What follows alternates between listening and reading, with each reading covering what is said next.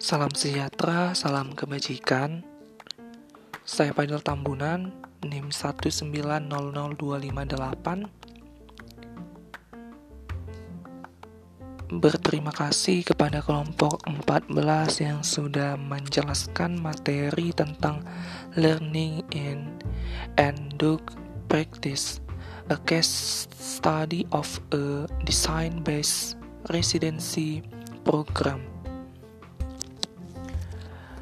Yang ingin saya tanggapi mengenai program residensi adalah untuk tinggal dan bekerja di suatu tempat tertentu dan selama waktu tertentu.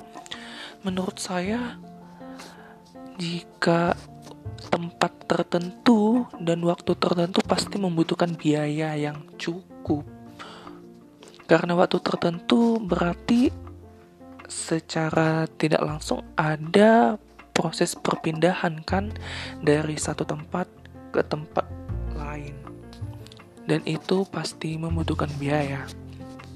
Pertanyaan saya untuk kelompok 14 selain program residensi adakah program lain yang lebih efektif dan lebih efisien. Yang kedua,